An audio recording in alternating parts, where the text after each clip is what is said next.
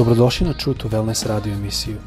Da saznate više o nama, posjetite naš website truetowellness.com. A sad, vaš domaćin, dr. Todorović.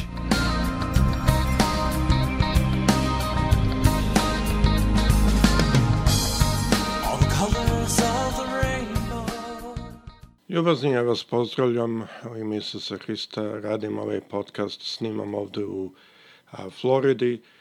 I želao bih samo da sada nastavimo ovaj drugi deo, da govorimo i malo razmatramo situaciju što je bila sa Petrom.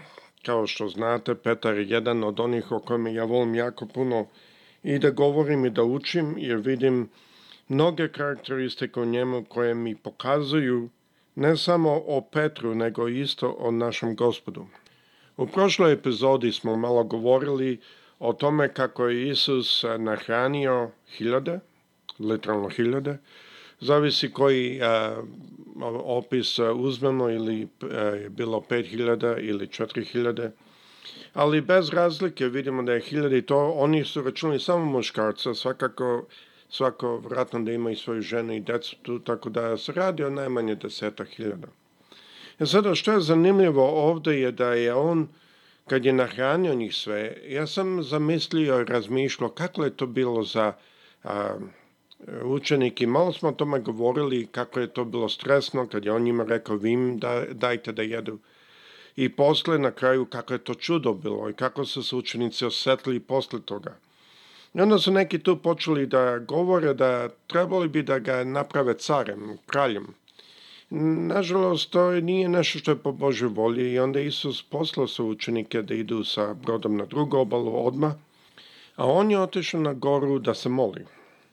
Tako smo čitali o tome kako je čamac već bio oko 185 metara, a malo smo spomenuli veličinu tog jezera, negde nekih 12 sa 6 milja, i da kada talasi vetra kada dolazi pogotovo sa severa ili sa juga, a prilično jak i nezgodan bude zato što je to dužina jezera.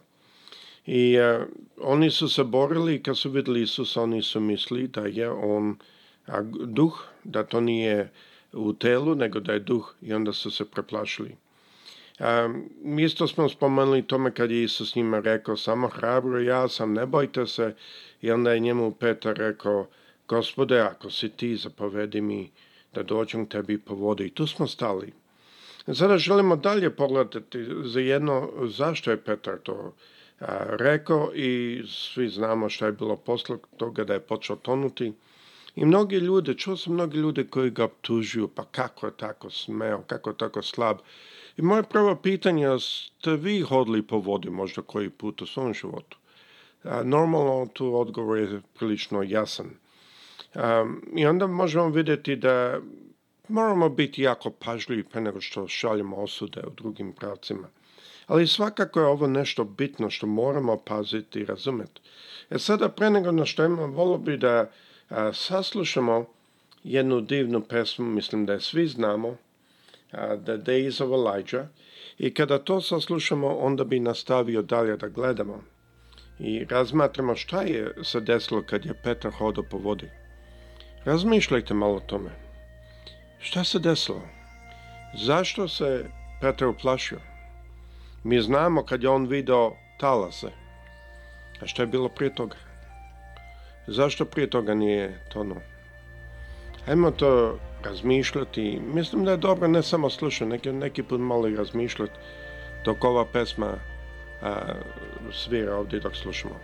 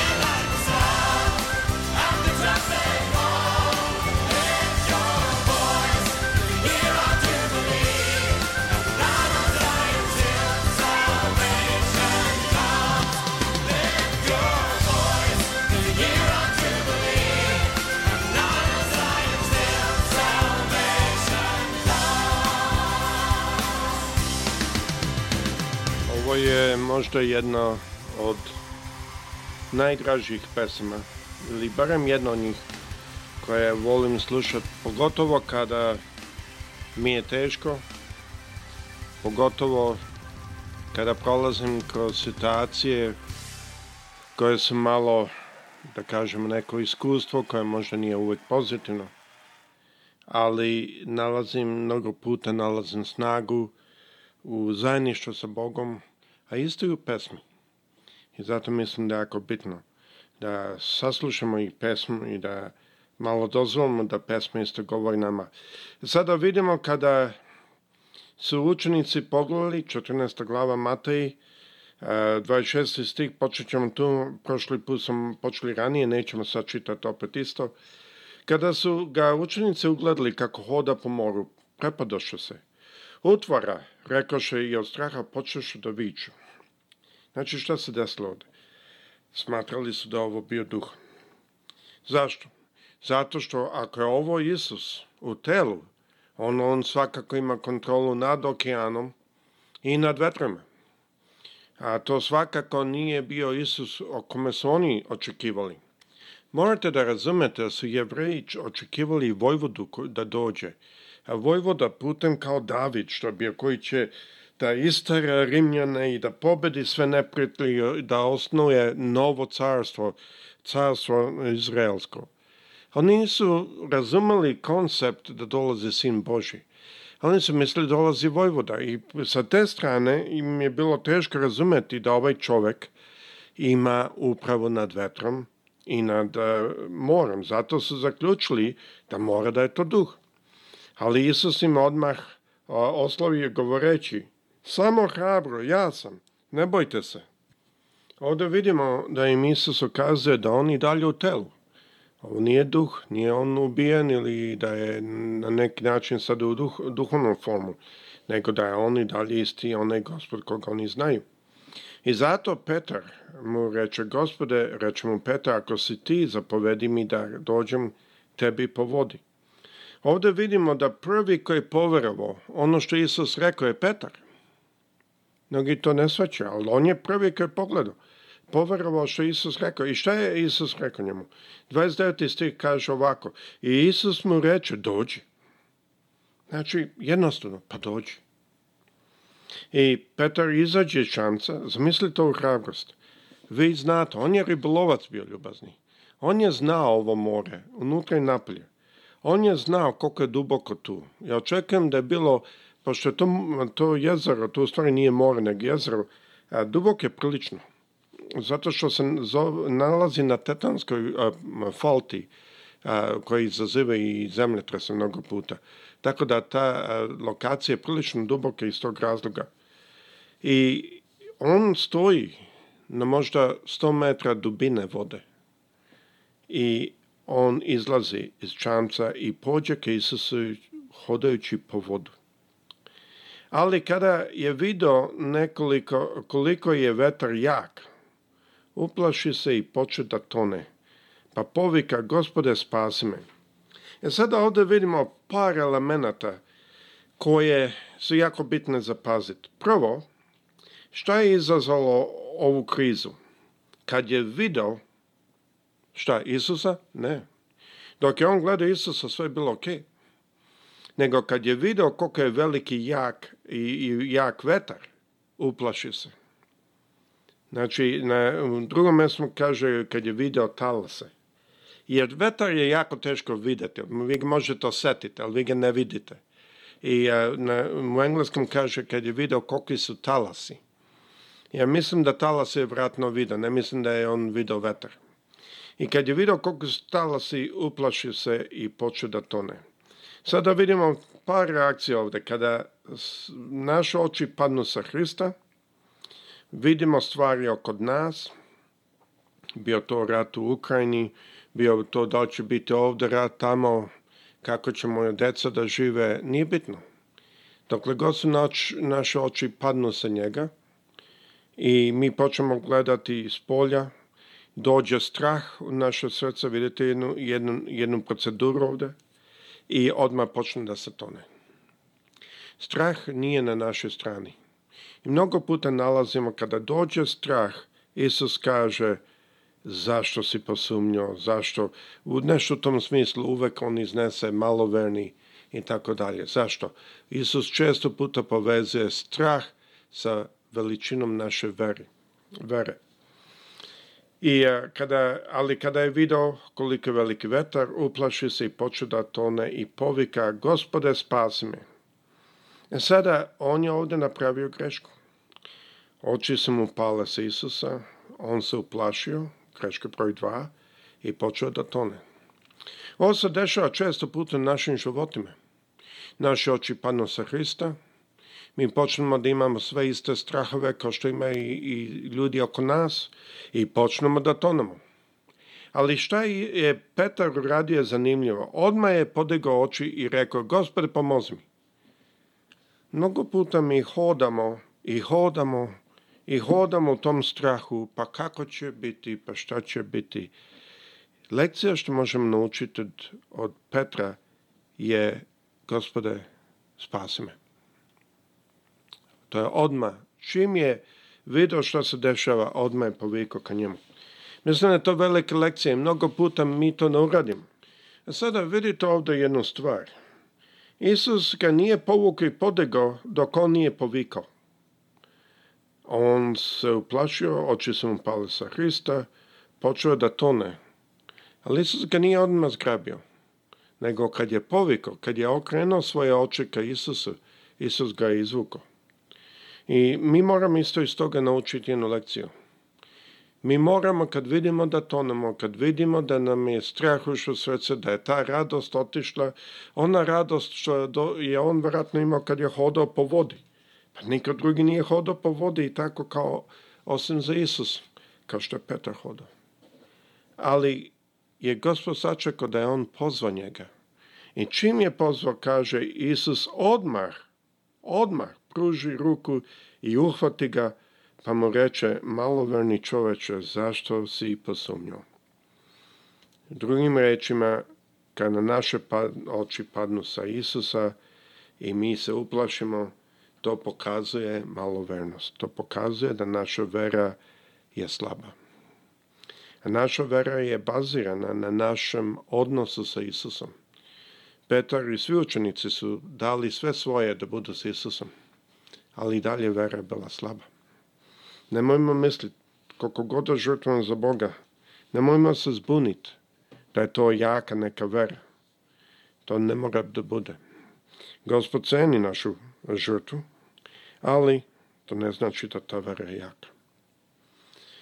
Kada su se popili u čamac, vetar utihnu, zanimljivo. Kad su ušli čamac, onda je vetar stao. Zašto? Zato što je sada gospod s njima čamcom. A sada za one što vole da kažu, pa kako vidi kako Petar je izašao iz čamca, kako se posrami ovo ono, ne znam ja što će ljudi reći. Nemojte zaboraviti jednu stvar. Petar je jedini od učenika koji je hodao po vodi, dok su svi drugi stojali u strahu od čamca. Tako da ne bi previše bacao kamen na Petra, svakako mislim da Kada gledamo, mene ovo ohrabruje i meni pokazuje da od svih drugih on je ipak najviše vere imao i jako je posumnjao u ovoj situaciji. Ali vidite što kaže, a oni u čamcu se pokloniše Isusa govoreći, ti si šta, vojvoda? Oni su očekivali da dođe vojvoda. Ali sada oni kažu, ti si zaista sin Boži. Mi možemo znati da je Isus vojvoda, da je pobednik, da je pobedio Sotonu. Ali, da li mi možemo reći na isti ovaj način? Ti si zaista sin Boži. To je jedan stepen vere koji mnogo puta mi možemo ići u crkvu i možemo znati i učiti, čak i učiti druge o njemu.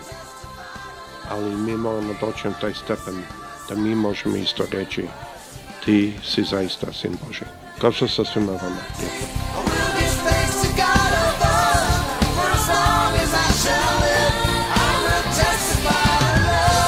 Slušate True to Wellness radio emisiju.